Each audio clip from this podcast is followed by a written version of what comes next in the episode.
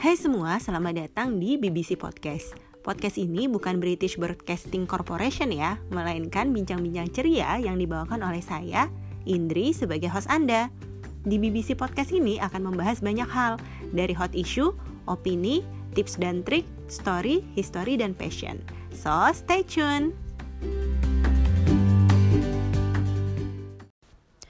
Jadi di episode kali ini kita akan membahas topik yang udah nggak asing lagi nih di telinga kita, yaitu tentang peluang dan tantangan bonus demografi di Indonesia. Kita tahu sendiri bahwa di tahun 2030 hingga 2045, Indonesia akan mengalami anomali di piramida kependudukan, yakni usia produktif akan lebih banyak dibanding kelompok usia lain. Nah, kelanjutannya gimana? Nah, teman-teman bisa dengerin langsung di episode kali ini. Jadi, dengerin sampai habis ya. Nah, saya akan membacakan beberapa fakta yang berkaitan dengan episode yang akan kita bahas kali ini. Yang pertama, bonus demografi adalah suatu kondisi di mana jumlah penduduk atau angkatan kerja yang berusia 15 hingga 64 tahun lebih besar dibandingkan penduduk yang tidak produktif, yaitu yang di bawah 5 tahun dan di atas 64 tahun. Lalu pada tahun 2020 hingga 2030, Indonesia akan memasuki bonus demografi. Lalu yang kedua, berdasarkan laporan dari United Nations Development Program atau UNDP yang menyebutkan peringkat Indeks Pembangunan Manusia atau IPM Indonesia hanya berada di urutan 113 dari 188 negara di dunia. Jika dibandingkan dengan negara-negara ASEAN seperti Thailand, Malaysia, Brunei Darussalam, dan Singapura, peringkat tersebut masih sangat rendah. Sementara untuk data terbaru BPS pada Agustus 2018, jumlah angkatan kerja di Indonesia kini sudah mencapai 131,01 juta orang atau mengalami penambahan hingga 2,95 juta orang dibandingkan tahun sebelumnya. Lalu fakta yang terakhir, sekitar 56,1 penduduk Indonesia berdiam di Pulau Jawa 21,68 persen bermukim di Sumatera. Dan 22,22 persen sisanya itu terbagi. Di Sulawesi ada 7,36 persen, di Kalimantan 6,15 persen, Bali dan Nusa Tenggara 5,54 persen, dan Maluku Papua 3,17 persen. Ada tiga provinsi di Jawa dengan tingkat, tingkat kepadatan penduduk sangat tinggi namun di lain pihak ada banyak provinsi dengan jumlah penduduk sangat jarang. Jadi misalnya nih saat kita bandingkan penduduk di Jawa Barat itu ada 48,27 juta.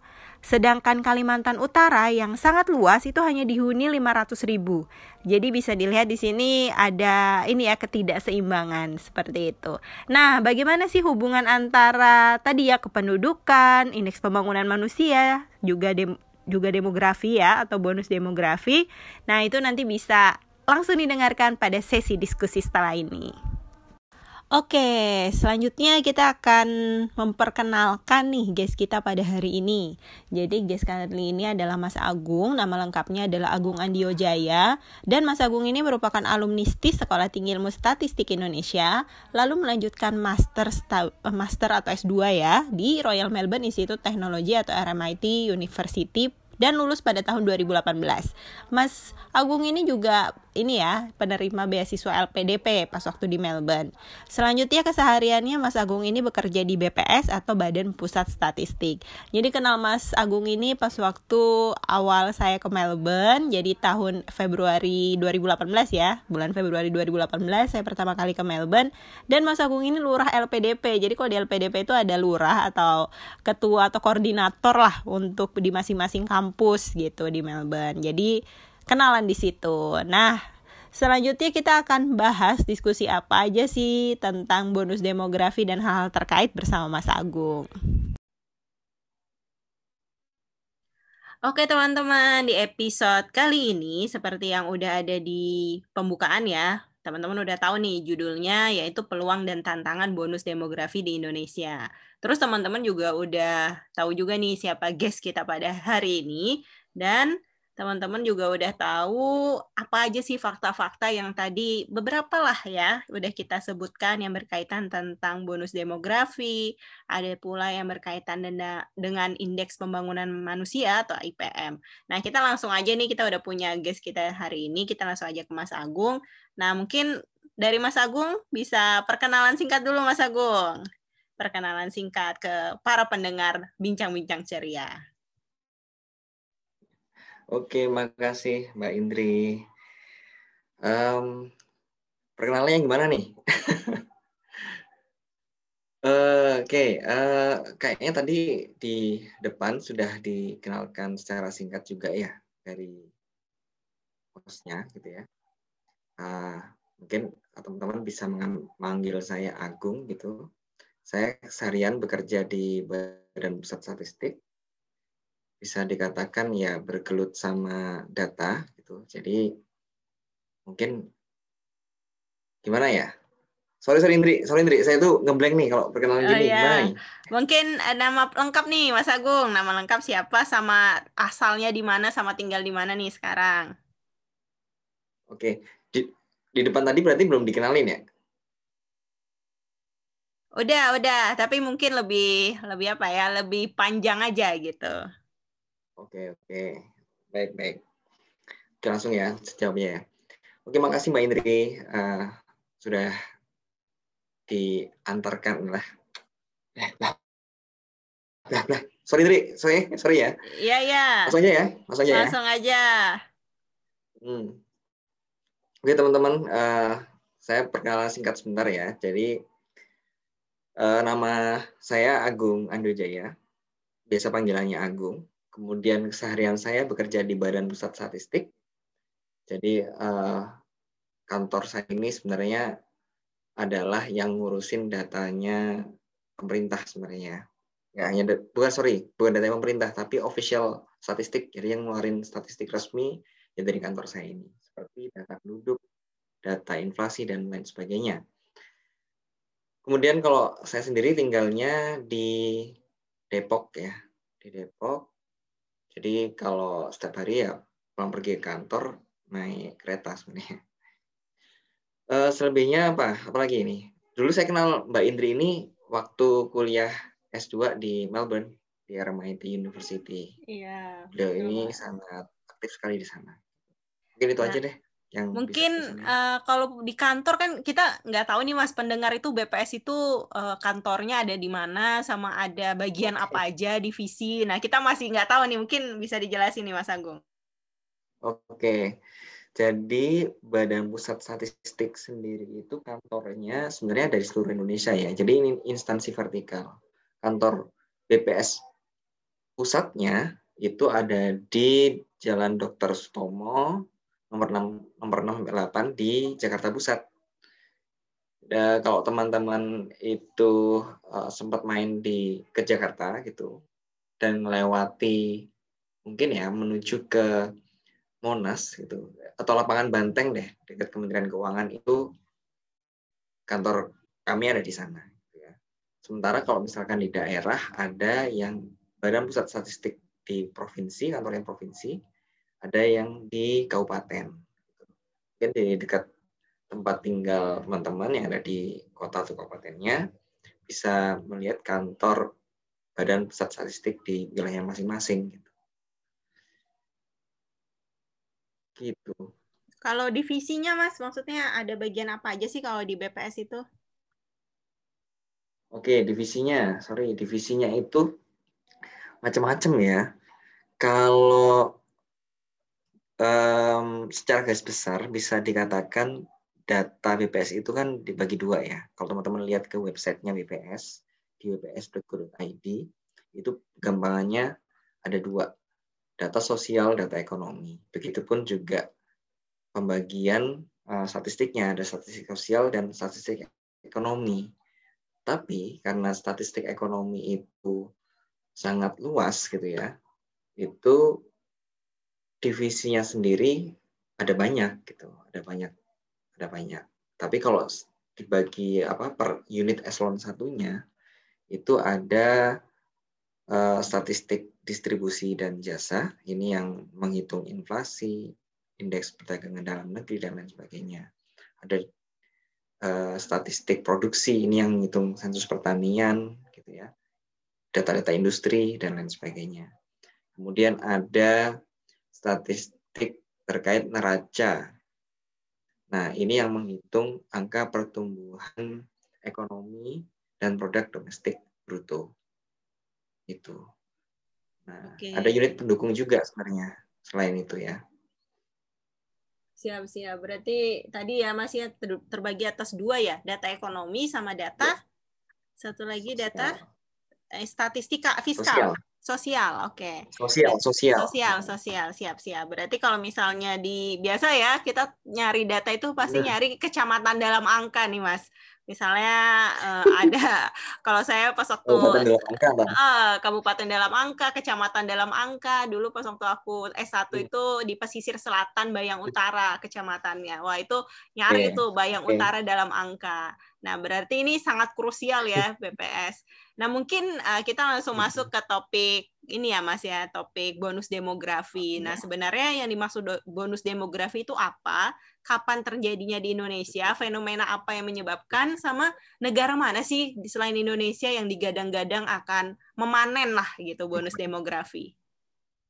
Oke. Bonus demografi ya. Jadi kalau uh, kita lihat dari apa namanya demografi kan penduduk-penduduk ya sebenarnya. Sehingga kalau dikatakan bonus demografi bonusnya penduduk gitu. Bonus yang diakibatkan oleh penduduk.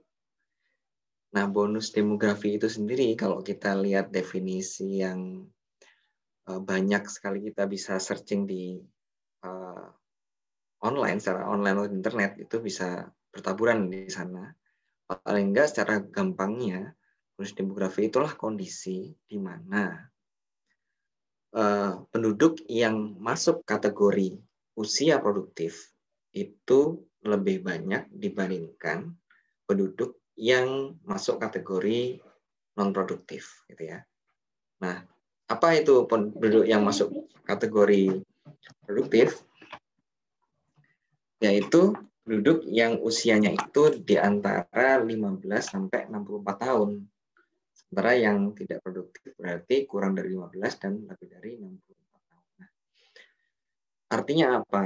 Artinya ketika di periode bonus demografi ini itulah sedang puncak-puncaknya eh, negara ini mendapatkan kayak semacam hadiah gitu dari kependudukan di mana usia produktif itu kan usia yang orang menghasilkan sesuatu ya berkontribusinya terhadap ekonomi di negara itu sedang dalam masa puncaknya gitu.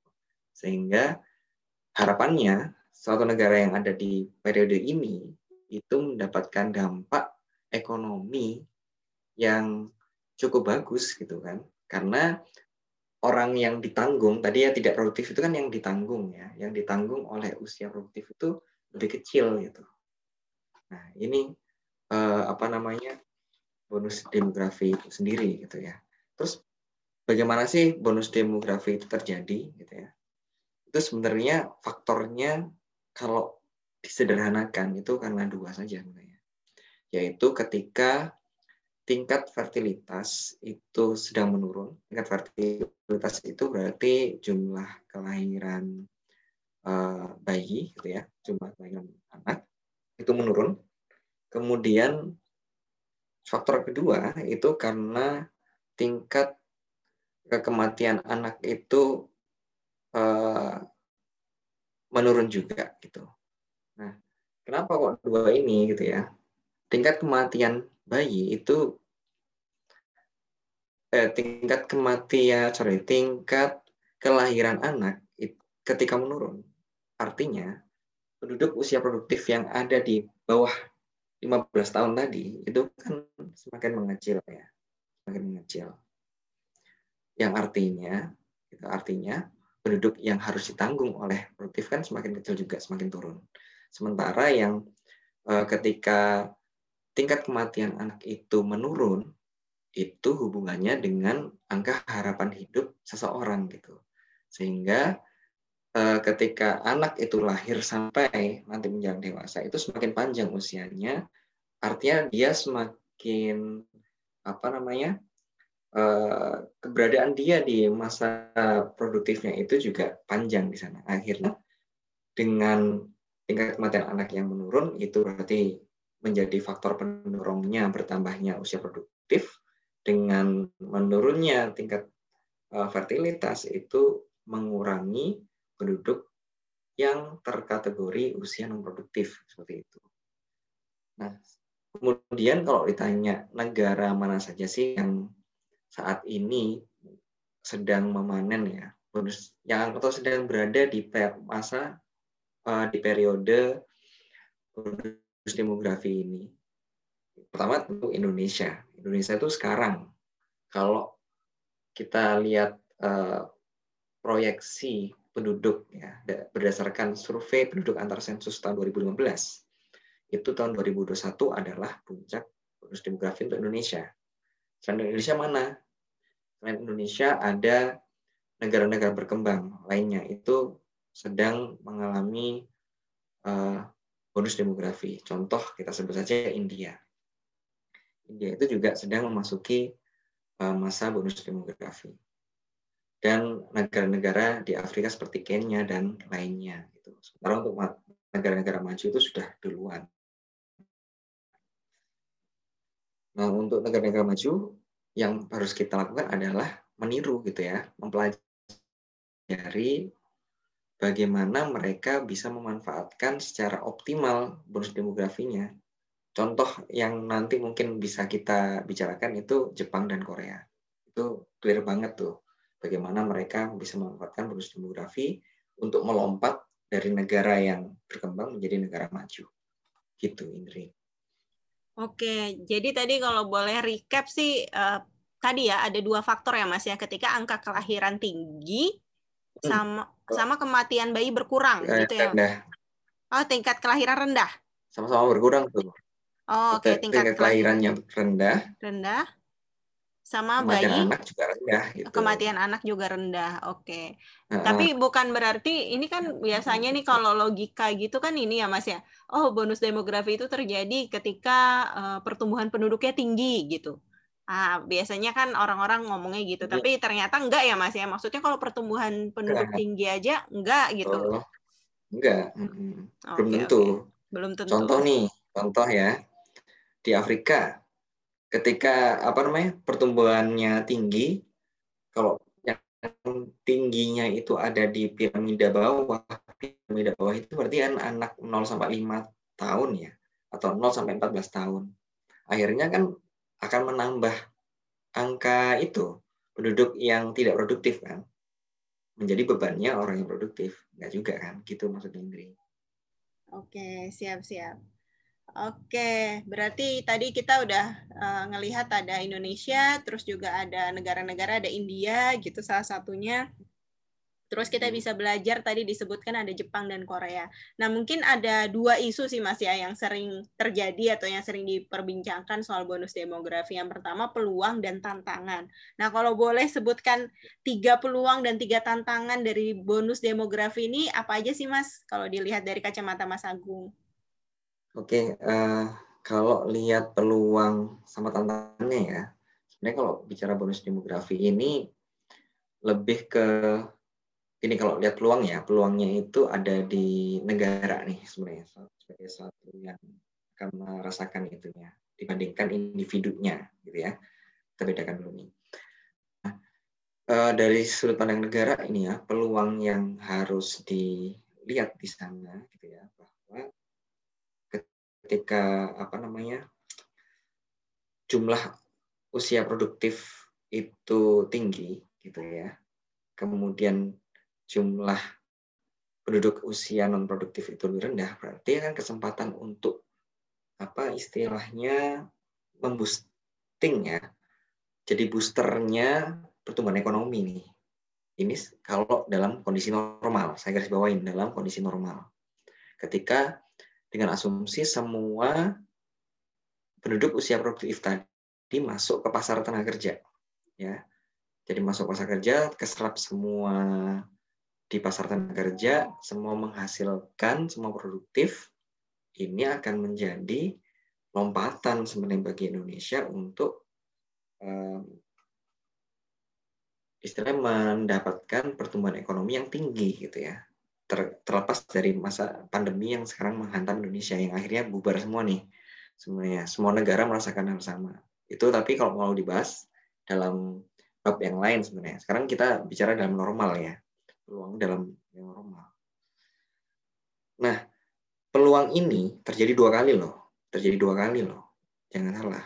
Pertama kalau misalkan uh, para pakar atau diskusi para pakar yang sering kita temui gitu itu membagi dua sebenarnya peluangnya ini peluang bonus demografi yang pertama itu ketika tadi uh, seluruh penduduk yang usia produktif itu kita asumsikan masuk ke kerja sehingga mereka mendapatkan penghasilan yang uh, tinggi, mendapatkan apa mengoptimalkan masa produktivitas mereka sehingga berkontribusi penuh terhadap pertumbuhan ekonomi.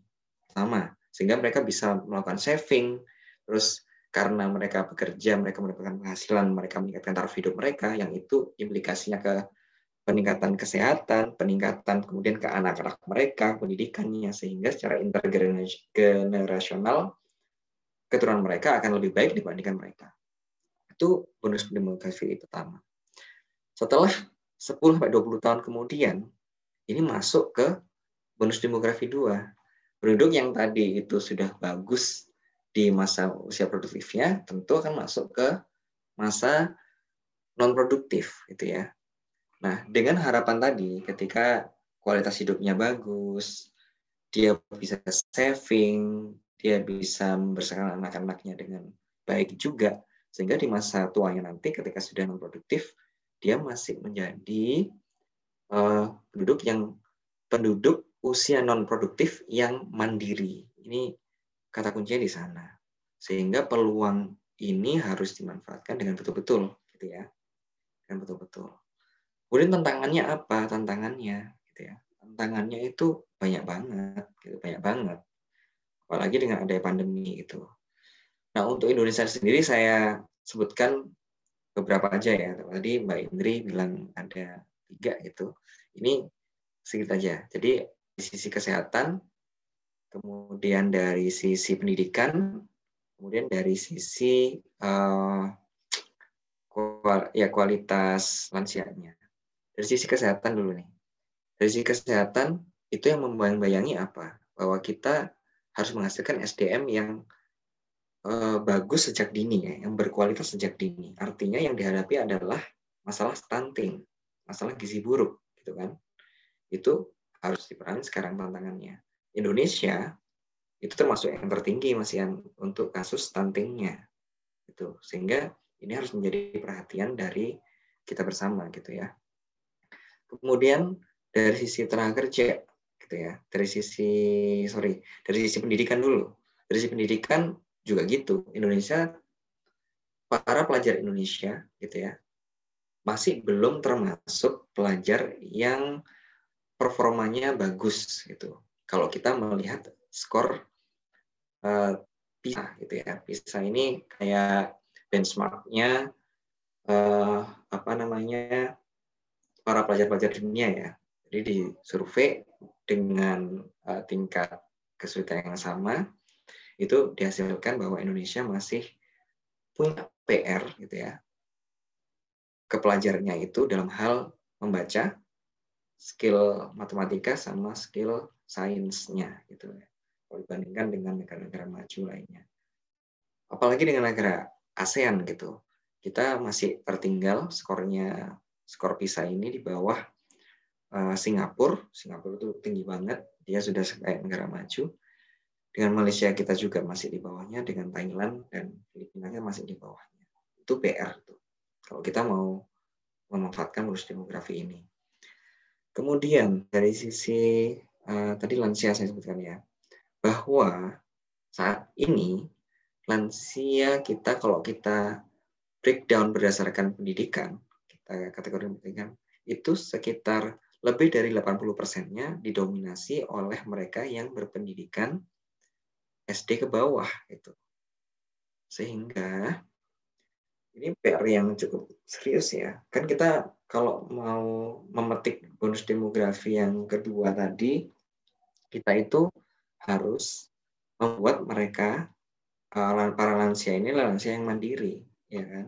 Nah ini PR-PR yang masih menjadi tantangan kita dalam menyebut bonus demografi yang pertama maupun yang kedua.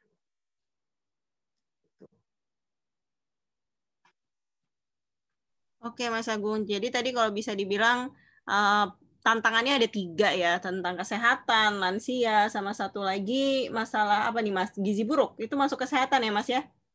Iya kesehatan. Sama pendidikan uh, tadi. sama pendidikan benar. Tapi kalau peluang ini kalau tiga hal tadi uh, kalau misalnya di hmm. bonus demografi satu kita berhasil otomatis nanti kita bisa dimemanfaatkannya atau kita bisa iya. petik hasilnya di bonus demografi berikutnya gitu ya mas ya karena kan yang kita omongin iya. generasi ya kalau soal iya. demografi itu Oke oke menarik hmm, menarik. Siap siap. Nah mungkin uh, dari tadi ya uh, pendidikan, iya, kesehatan sama lansia kita belum dengar soal ekonomi nih mas. Nah karena hmm. kalau dari yang banyak fakta atau banyak pembahasan di luar sana itu tuh hmm. dikatakan bahwa bonus demografi ini tidak luput kaitannya atau erat kaitannya dengan indeks pembangunan manusia seperti yang tadi uh, Mas Agung bilang kan kalau PISA kita dibandingkan dengan Singapura itu ini hmm. ya masih jauh. Nah mungkin ada teman-teman yang belum tahu PISA itu apa. Nah tapi kalau indeks pembangunan manusia sendiri kan kalau nggak salah Indonesia itu hmm. peringkatnya seratusan gitu ya Mas ya. Nah kita ya, nggak ya, nggak nggak apa ya dalam hal pembangunan manusia kita nggak wah gitu. Bahkan kita nggak middle class nih tapi seratusan kan agak-agak bawah. Nah itu gimana nih Mas? Nah, memang gini, uh, kalau bicara IPM sama hubungannya dengan bonus demografi itu uh, erat banget ya. Jadi IPM itu bisa jadi satu indikator penting yang bisa kita jadikan kompas ya melihat posisi Indonesia ini menyebut bonus demografinya. Tadi betul sih yang Mbak Indri sampaikan tadi kalau kita masih ada di peringkat uh, bawah ya untuk eh, apa namanya IPM kita gitu. Tapi yang perlu digarisbawahi juga dan ini cukup mengembirakan bahwa kalau IPM itu kan dikategorikan ya di uang dunia itu dikategorikan yang apa namanya sorry kategorinya itu ada empat kalau nggak salah ada empat. Dan kita sudah masuk kategori yang bagus sebenarnya itu yang bagus. Di, di atas 70 sudah sudah di sana. Tapi apakah 70 itu sudah cukup? Belum juga gitu ya. Belum juga. Kenapa? Kita harus bedah tuh indikatornya ya kan. Kalau kita lihat gitu.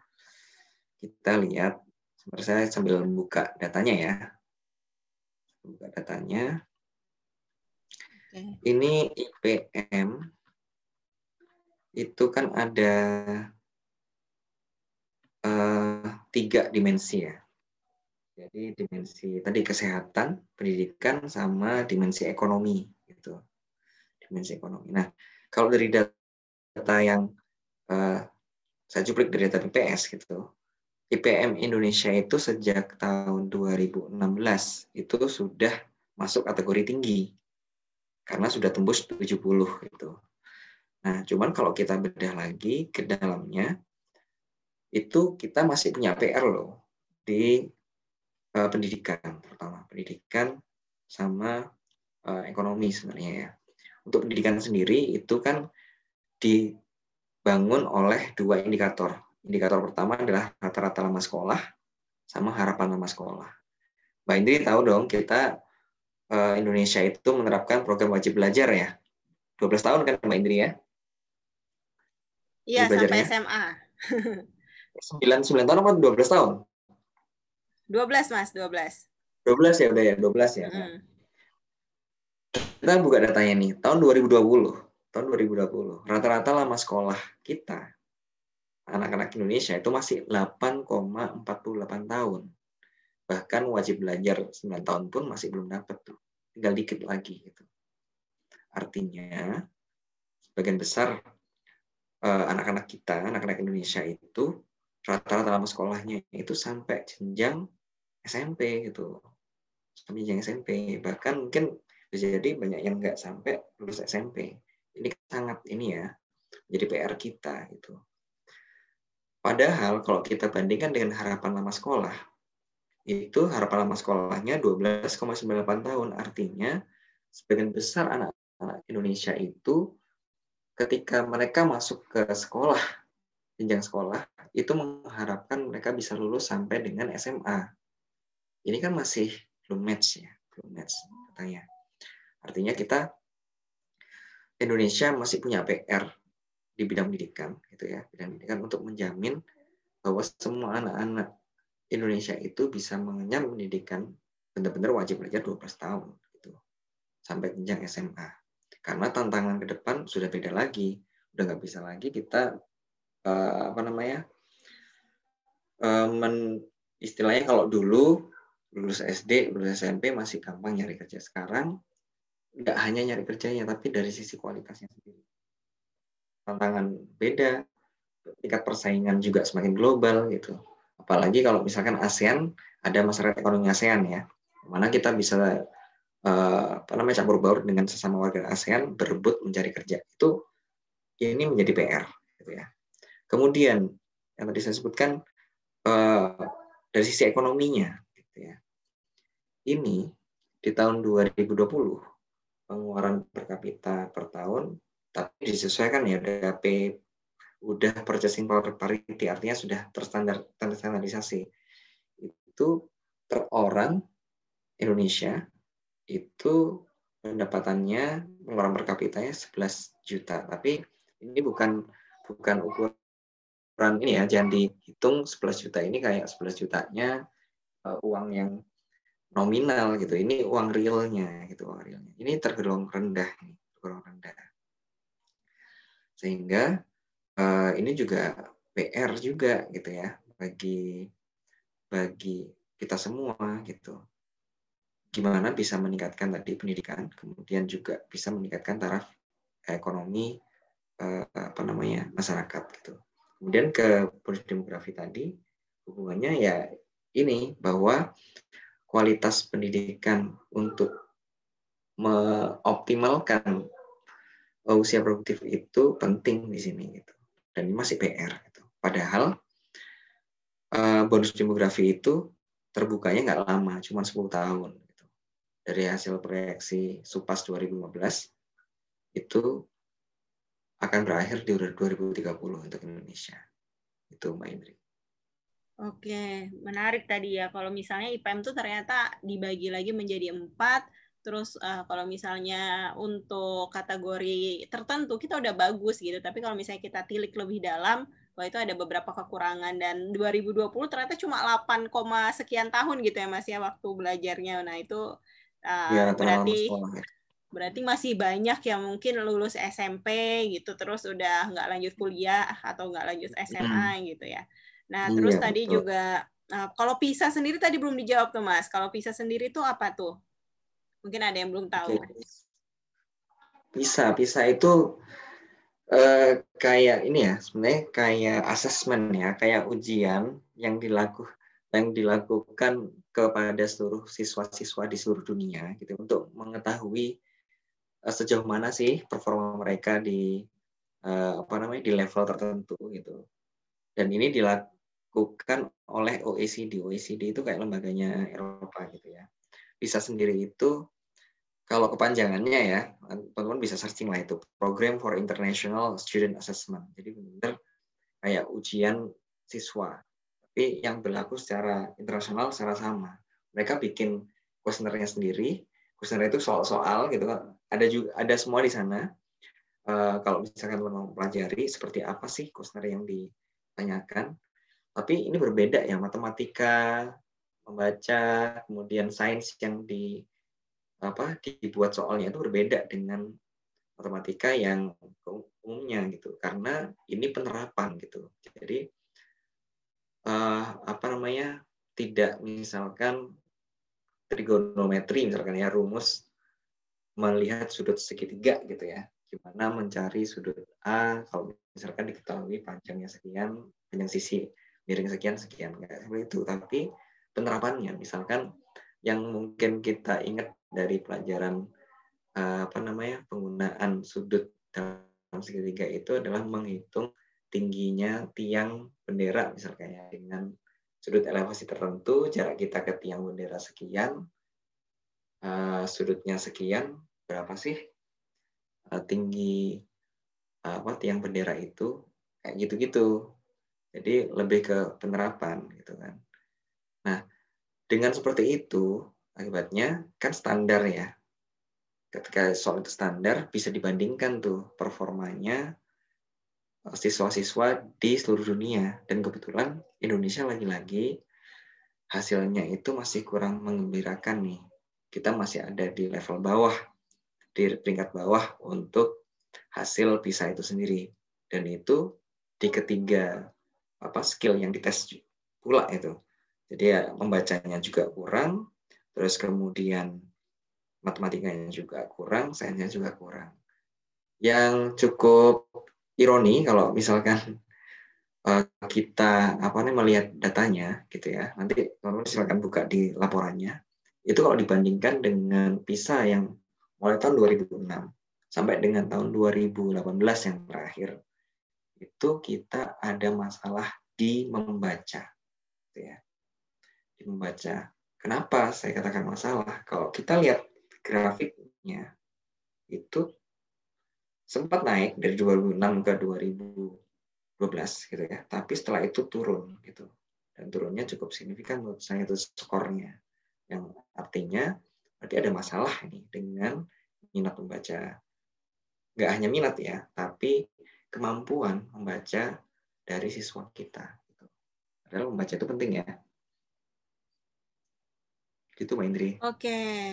Berarti tadi uh, bisa dibilang budaya literasi ya, bahasa orang-orang ya. zaman sekarang. Iya budaya literasi. Betul, betul. Contohnya misalnya ada pengumuman gitu. Nah, udah ada di dalam pengumuman masih ditanya. Itu kan sering banget ya. Uh, atau ketika betul. misalnya ada temen yang jualan itu selalu bilang padahal tuh udah ada harganya di tulisan itu tapi masih nanya harga berapa misalnya kayak gitu. Nah, itu ya, yang uh, yang menjadi fenomena zaman now lah ibaratnya gitu. Nah, oke, okay, mungkin uh, sebelum kita masuk ke pertanyaan berikutnya, kita break bentar.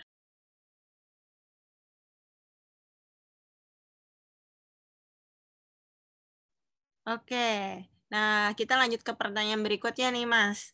Tentang okay. ini sih pertanyaan dari zaman ini ya, Orde Lama, Orde Baru, Reformasi juga ada gitu. Pertanyaan soal ini Mas, uh, ketimpangan penduduk di Jawa lebih padat, di luar Jawa ibaratnya masih jarang. Artinya uh, sources di Jawa itu mulai habis, persaingan mulai tinggi, di luar Jawa itu lebih mudah, tapi pembangunan hmm. pendidikan dan infrastruktur itu rendah. Nah ini kan kalau hmm. di zaman bonus demografi ini kan ibaratnya kita bicara soal negara, soal generasi. Nah itu gimana ini Mas tentang isu itu? Iya, betul itu nggak cuman dari zaman Orde Lama ya, mulai zaman Majapahit. Majapahit juga udah ini. ya enggak? Iya, iya. Kan pergiliran, pergiliran kerajaan ya dari Sriwijaya dulu kalau Sriwijaya di Sumatera Begitu udah raja-raja Jawa muncul, udah Jawa juga ya. Itu zaman dulu. Nah memang ini ya klasik ya sebenarnya kalau kita bicara ketidakmerataan persebaran penduduk, ekonomi juga dampaknya. Mana-mana itu semuanya. Nah, tapi eh, ini sebenarnya ada positif negatifnya ya. Mungkin negatifnya pembangunan nggak merata. Kemudian ekonomi, tingkat ekonomi nggak merata. Tapi tadi benar yang Mbak Indri sampaikan, kalau persaingan pun di luar Jawa mungkin tidak akan seketat di Jawa gitu ya. Nah, ada hal positif lainnya juga terkait bonus demografi gitu ya. Kalau kita bedah berdasarkan wilayah di Indonesia itu itu ternyata tiap provinsi itu memasuki bonus demografi beda-beda waktunya loh. Ya. Di Jawa itu di Jawa kalau misalnya kita bedah berdasarkan ini ya provinsinya di Jawa itu rata-rata rata-rata lagi bahkan semuanya sudah masuk ke bonus periode bonus demografi bahkan sudah ada yang melewati masa puncak bonus demografinya gitu. Nah ini dari uh, proyeksi berdasarkan survei penduduk antar sensus 2015 atau SUPAS 2015 ini di Jawa itu sebelum 2010 itu sudah memasuki bonus demografi gitu ya. Itu.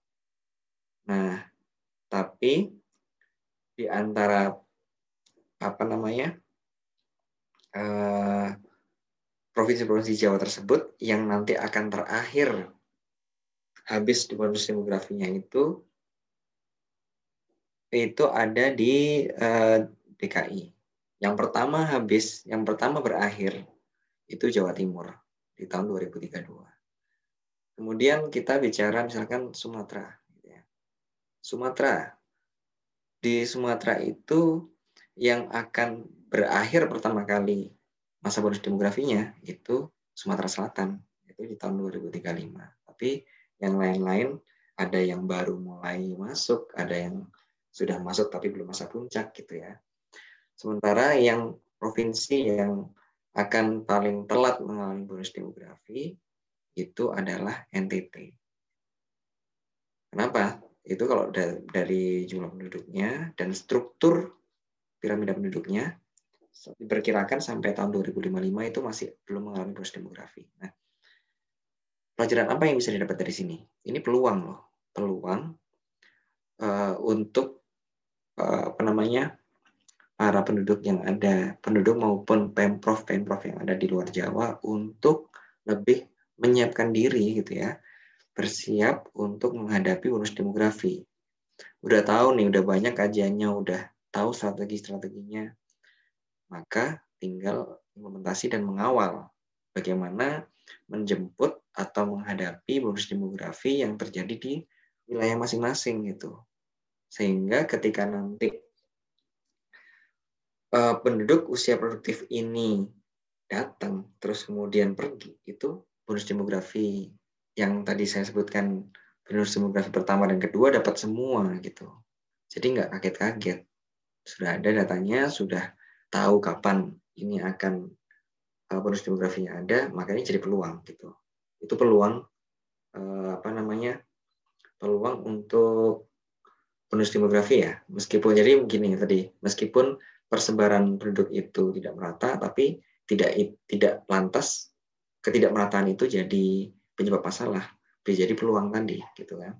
Yang itu harus diantisipasi sama masing-masing pemprov gitu ya.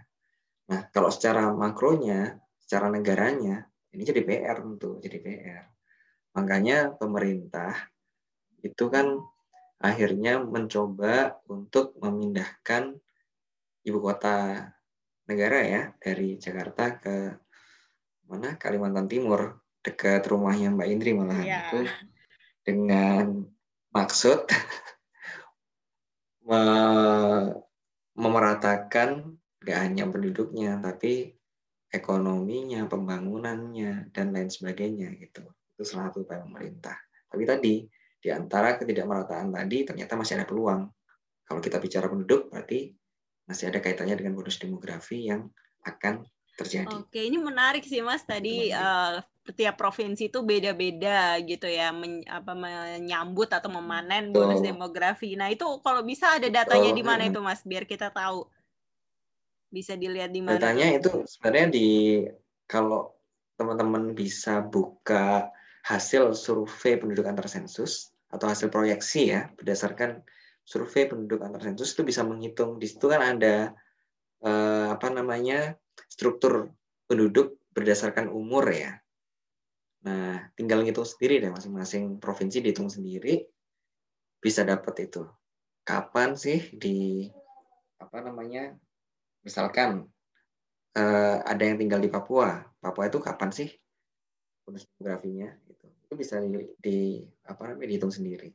Tinggal download aja itu eh, apa namanya?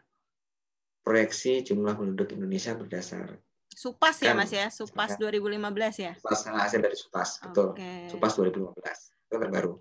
Nanti kalau sudah uh, ada hasil sensus penduduk 2020, nanti diupdate lagi itu proyeksinya, bisa ber, bisa bergeser gitu. Karena kan kita bicaranya dengan parameter yang baru ya, pendudukan yang baru. Gitu. Tapi sementara ini pakai yang Supas dulu.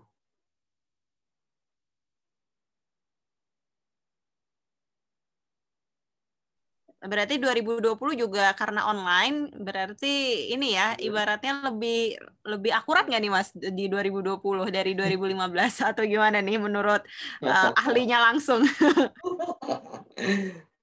Kalau akurat ya kita ada ini ya sih apa namanya memang nggak bisa 100% ini ya nggak bisa dibilang 100% tepat gitu karena yang menentukan tepat tidaknya data itu ada dua kan Ya, pertama dari penyelenggara statistiknya. Penyelenggara statistik itu bertanggung jawab ke metodenya, ya kan? Metodenya, infrastrukturnya, peralatannya dan sebagainya, petugasnya dan sebagainya ya. Yang kedua, itu respondennya. Kalau responden memberikan jawaban sesuai dengan keadaan yang sebenarnya akurat. Tapi sebaliknya, kalau ada sesuatu di jawaban yang diberikan kepada penyelenggara statistik tidak akurat juga gitu loh Mbak Indri. Jadi itu harus seimbang sih antara penyelenggara statistik sama ini. Sensus pun demikian ada ini ya. Tapi secara teori supas sensus penduduk 2020 itu memperbaiki kan, memperbaiki jumlah penduduk yang ada di tahun 2020 itu sebagai benchmark sebenarnya. Supas itu kan surveinya ya. Terus sensus penduduk itu menghitung uh, jumlah populasi, jumlah penduduk sebenarnya. Sehingga hasil SUPAS itu kan salah satunya buat memproyeksi, buat memprediksi jumlah penduduk di 2020. Jadi 2020 ada dua jumlah penduduk loh. Jumlah penduduk hasil prediksi, hasil proyeksi dari SUPAS 2015 sama jumlah penduduk hasil sensus. Nah ini kan pasti nggak sama. Nah gap antara proyeksi sama data yang sebenarnya tadi itulah yang sebenarnya menjadi faktor koreksinya gitu dari proyeksi yang ada sehingga proyeksi ke depan dari 20, 2020 sampai 2040 nanti akan terkoreksi dari hasil sensus penduduk. Iya. Sehingga pengaruhnya ke bonus demografi juga, proyeksi juga gitu. Kan. Benar-benar. Gitu. Soalnya masih ingat banget ketika pakai data BPS itu banyak asumsi orang-orang yang aduh ngapain pakai data BPS itu semua data proyeksi aja gitu. Padahal kantornya ada di tiap provinsi, ada di tiap kota gitu kan ya. Nah itu ada ah, iya, asumsi-asumsi iya, seperti itu mas. Nah tapi ya tadi berarti ya ada memang ada dua pendekatan ya, ada data yeah. sampling ya, karena nggak mungkin di data semua hmm. gitu ya, data sampling, betul, betul. habis itu data forecast, dan nanti hmm. dicari koreksinya. Nah, itu mungkin hmm. jadi sesuatu yang bisa disampaikan ke para pendengar supaya ya tadi hmm. asumsi orang-orang aku pribadi sih pernah berasumsi kayak gitu. Aduh, apalagi ngelihat ini ya kabupaten-kabupaten non non favorit ya Mas ya. Kalau di luar Jawa gitu kan agak susah ya kita cari data. Misalnya kayak yang tadi Bayang Utara, pesisir selatan ini kok semuanya data dari 10 15 tahun terakhir gitu semuanya proyeksi gitu ya ngapain BPS-nya. Nah, tapi mungkin tadi bisa dijadikan uh, apa ya bisa disampaikan gitu ke orang-orang. Nah, oke tadi menarik nih soal apa soal tiap provinsi juga beda. Nah, bisa jadi kalau hmm. ada yang pengen berpetualang gitu ya Mas ya. Misalnya pengen menghindari bonus demografi tinggal pindah aja tiap ini ya tiap berapa tahun gitu ya dari Bener. Jakarta nanti pindah ke mana Iya, lihat aja datanya kan. persaingan gitu. Iya, benar-benar.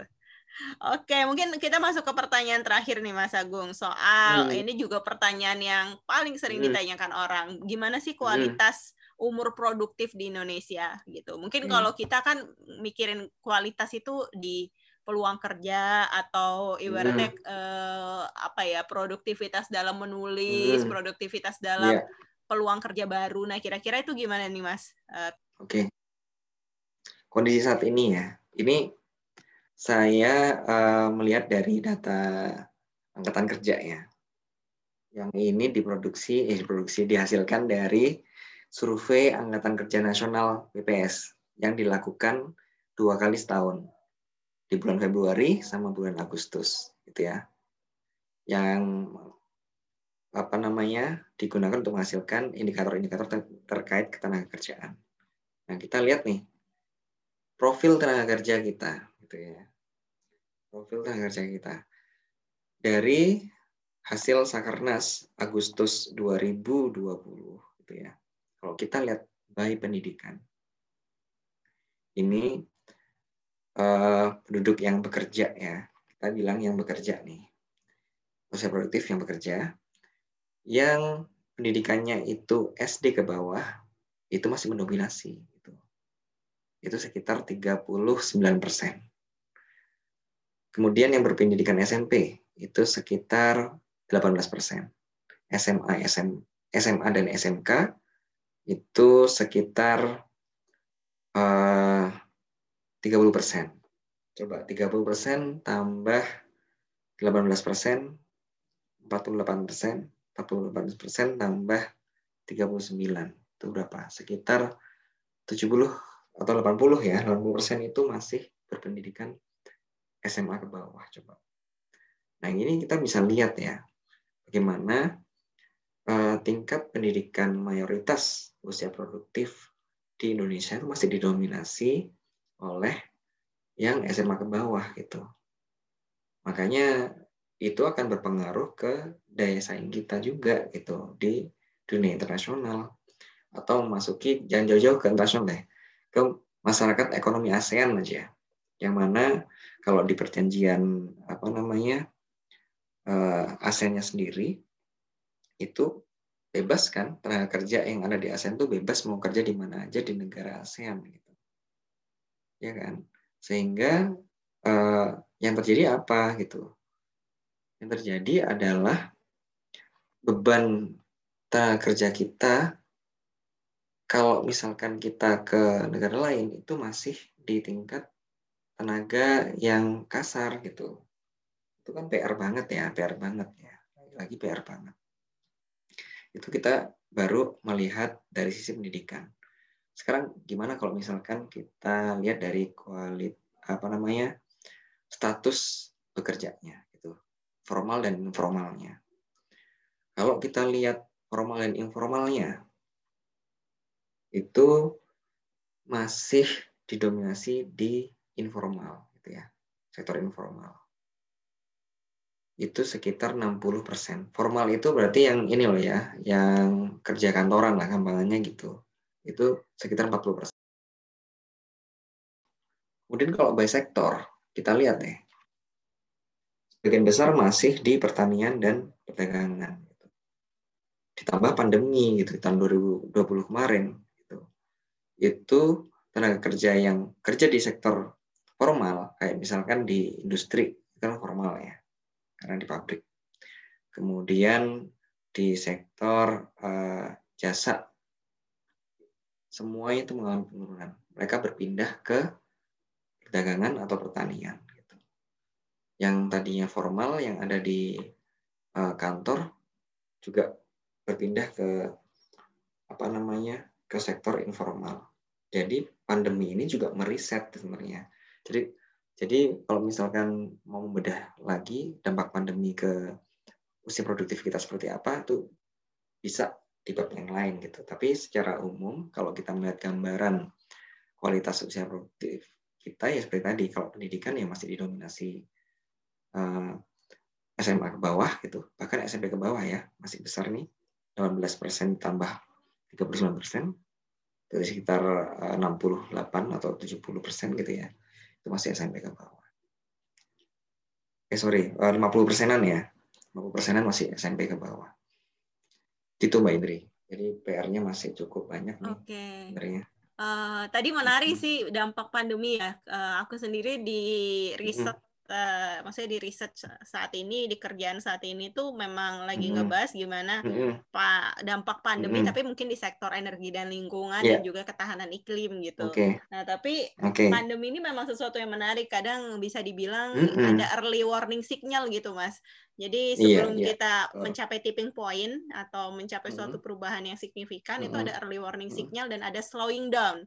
Nah kita bisa lihat yeah. kalau di lingkungan itu ada penurunan emisi yang sangat luar hmm. biasa selama ya, pandemi gitu. Nah, mungkin tadi hmm. di dampak ekonomi ternyata tadi ya perubahan pekerjaan sektor formal dan informal. Hmm. Nah, ini hmm. menjadi topik yang bisa kita ulas ke depannya nih. Kayaknya yeah, belum yeah, banyak nih yang ngebahas. Oke, Mas, mungkin pertanyaan paling terakhir soal tadi kan okay. ini ya kondisi saat hmm. ini, tapi kalau kita lihat proyeksi gitu kan, BPS kan ahlinya proyeksi nih Mas ya, ahlinya forecasting gitu Nah, ada nggak sih peluang kalau kalau di zaman sekarang kalau di lingkungan circle-circleku sih lagi mm-hmm. banyak uh, anak-anak startup startup gitu. Bahkan mm-hmm. kayak tiap bulan itu ada aja yang ngajakin startup startup gitu. Ini kan mm-hmm. menjadi sesuatu yang positif di mana anak muda atau mm-hmm. usia produktif itu bukan ingin mm-hmm. mencari pekerjaan tapi membuat pekerjaan. Yang otomatis okay. itu oh. membuat apa ya daya serap pengangguran semakin besar, kreativitas semakin tinggi. Nah, itu gimana? Mm-hmm. Oke, okay. ini Uh, tapi tak lurusin dulu ya sebenarnya. Jadi BPS itu uh, secara ininya, secara tugas dan fungsinya itu nggak boleh tuh melakukan uh, prediksi atas sesuatu ya. Kalau proyeksi itu proyeksi memang dilakukan BPS yang menghitung, tapi yang merilis itu Bapenas loh. Oh ya benar benar benar. Bapenas. Bapenas itu ada lihat ya, itu ya. Benar benar. Kalau lihat bukunya proyeksi itu yang gitu ya. Bapenas. Betul betul. Uh, iya, jadi kita cuma uh, menghasilkan datanya. Jadi mau motret aja sebenarnya motret. Nah, tapi kalau misalkan tadi pertanyaan Mbak, Mbak Indri, itu uh, lagi-lagi ini pendapat saya ya, tapi tidak menggambarkan pendapat institusi. Saya kasih disclaimer itu dulu tuh. ya. Nah, jadi gini. Memang ketika lagi menghubungkan lagi ke bonus demografi tadi ya, usia produktif kita banyak gitu ya. Jendela salah satu jendela peluang yang memang harus dimanfaatkan ini masalah digitalisasi, gitu kan? Ya enggak? Era digitalisasi ini yang didukung juga dengan kemajuan IT itu sebenarnya membuat perubahan paradigma baru. Kalau saya boleh pinjam istilahnya dari Prof. Uh, siapa yang dari UI ya? Itu, Hendri yang dengan perubahannya rumah perubahan? Uh, siapa? Renal Kasali? Ah, Prof. Renal Kasali itu suatu disrupsi katanya, ya kan? Nah, disrupsinya apa? Bahwa bisnis proses dari uh, kegiatan ekonomi dari suatu apa namanya bentuk perusahaan atau bisnis itu tidak lagi mengikuti cara-cara konvensional yang harus ada gedung, yang harus memiliki tenaga kerja banyak gitu ya, baru disebut perusahaan besar nggak seperti itu sekarang. Berbeda.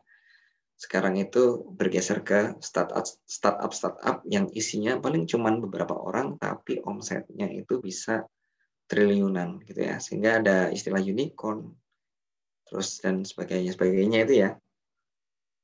Nah itu memang yang harus didorong gitu didorong. Kenapa? Karena seperti yang tadi disampa, saya sampaikan, kalau melihat data ketenagakerjaan gitu ya, sektor formal itu terbatas sebenarnya, terbatas banget. Sudah terbatas, kemudian meminta uh, kualifikasi pendidikan tertentu lagi, yang sekarang mungkin udah minta D3 ke atas gitu kan ya, biasanya kalau orang melamar ke kantor-kantor gitu kan ya, kualifikasinya mesti tinggi. Nah, sementara sektor informal sebaliknya gitu ya. Dia daya, daya tampungnya tidak terbatas. Ya, tidak melihat kualifikasi pendidikan, tapi tadi itu balik lagi ke masing-masing individunya. Uh, kalau misalkan dia bisa memanfaatkan uh, apa namanya di sektor itu bisa melejit, bisa maksimal returnnya, bisa maksimal pendapatannya. Tapi kalau tidak ya dia akan ada di lapisan bawah. Nah, balik lagi ke startup tadi. Startup itu bentuk kemandiriannya ya, bukan kemandirian orang-orang yang uh, usia produktif tadi. Jadi memang harus didorong. Sebenarnya tidak hanya startup ya, tapi kalau misalkan dari sisi makronya, gimana kita mendorong para penduduk yang ada di usia produktif itu bisa menciptakan lapangan kerja sendiri gitu. Jadi startup itu cuma salah satunya gitu ya. Nah, tadi uh, baik lagi pemerintah itu sebatas menyediakan regulasinya gitu ya menyediakan regulasinya menyediakan infrastrukturnya gitu kan dan menyediakan iklimnya gitu sehingga uh, apa pun bentuk dari upaya penduduk tadi entah untuk menciptakan lapangan kerja itu entah itu untuk startup atau mau uh, toko kelontong misalkan itu lebih mudah dan terlindungi. Gitu aja sih ya kan?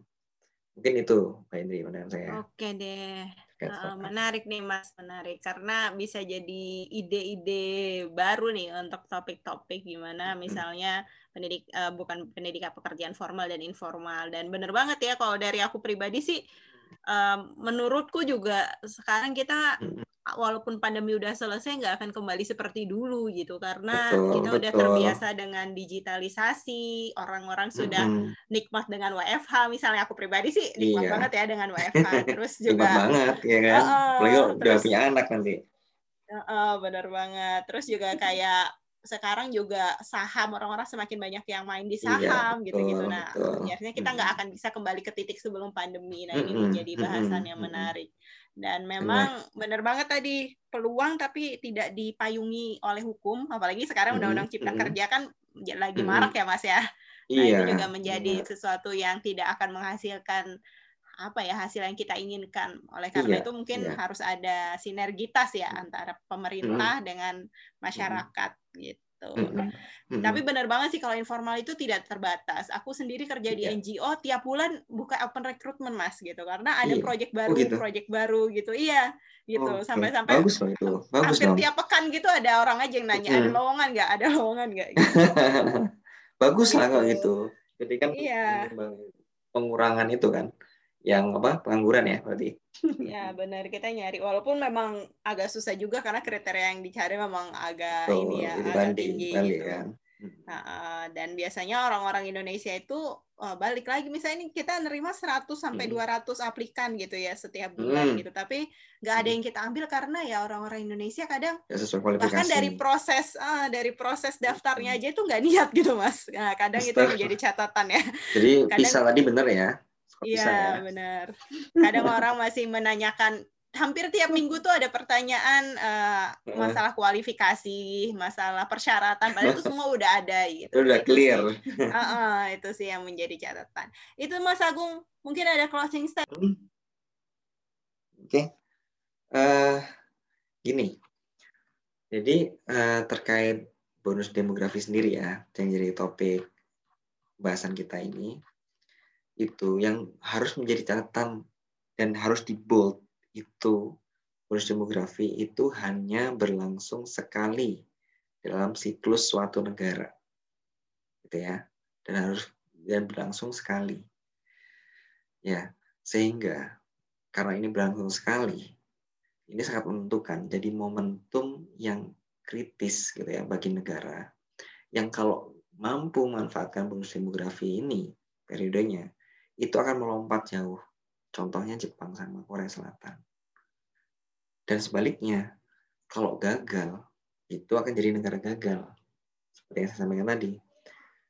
Orang yang pun masuk dari penduduk jadi penduduk usia produktif ya di masa bonus demografi ketika nggak terkelola dengan baik. Ketika bonus demografi ini lewat 10 atau 20 tahun kemudian, yang usia produktif yang sebesar ini karena angka harapan hidupnya tinggi. Dia akan jadi beban gitu ya. Mereka akan jadi beban bagi penduduk usia produktif berikutnya yang tidak begitu banyak gitu. Karena tadi tingkat fertilitas kan rendah ya kan. Ini akan tidak terlalu banyak sementara yang bebannya tambah banyak. Jadi akan menjadi apa namanya uh, pisau mata dua gitu saya bilang pisau mata dua Ya, kalau bisa bisa melompat, kalau enggak bisa terjun bebas ya di jurang terdalam nih gitu satu negara gitu. Nah kemudian catatan kedua adalah bonus demografi ini untuk menghadapinya nggak hanya menjadi tugas pemerintah saja gitu ya. Pemerintah saya yakin sudah melakukan berbagai macam program gitu ya, baik itu untuk meningkatkan pendidikan, untuk peningkatan kesehatan gitu ya, untuk mengenjot perekonomian. Nah, rakyat, masyarakat, ya kita yang ada di dalamnya itu harus mendukung gitu dan berpartisipasi penuh terhadap program itu. Contoh yang paling gampang, pendidikan itu kan sudah dari SD sampai SMP sebagian besar kabupaten kota menggratiskan ya. Yang dilakukan apa? Berarti belajar dengan sungguh-sungguh dengan itu. Bukan berarti ketika gratis kita biarkan anak-anak kita sekolah, tapi misalkan yang jadi orang tua tidak memantau perkembangan anaknya di sekolah, yang jadi masih jadi pelajar dengan seenaknya uh, belajar di sekolah tanpa memperhatikan target-target tertentu. Maka harus ada sinergi tadi yang disampaikan Mbak Indri antara rakyat dengan perintahnya.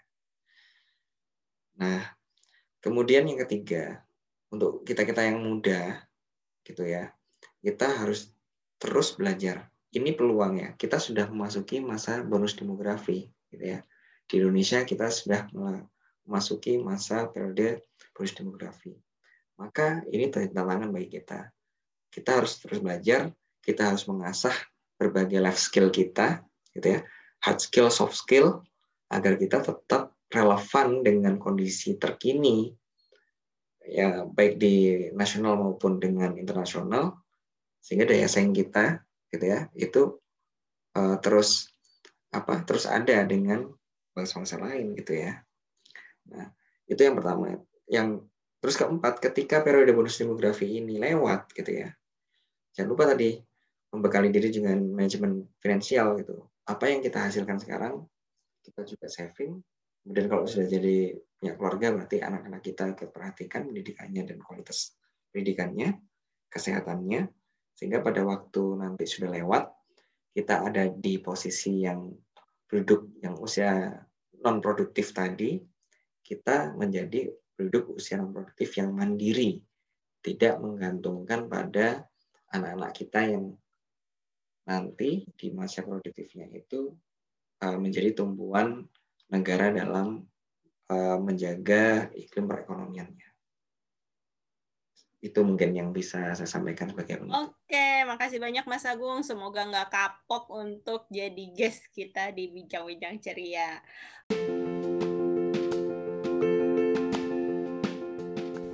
Thank you banget teman-teman semua udah mau dengerin podcast ini. Untuk update jangan lupa follow podcast kita di Twitter, Facebook page, dan juga Instagram. Bincang Ceria. Tapi B-nya double ya.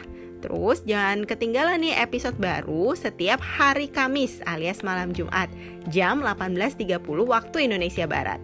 Sampai jumpa.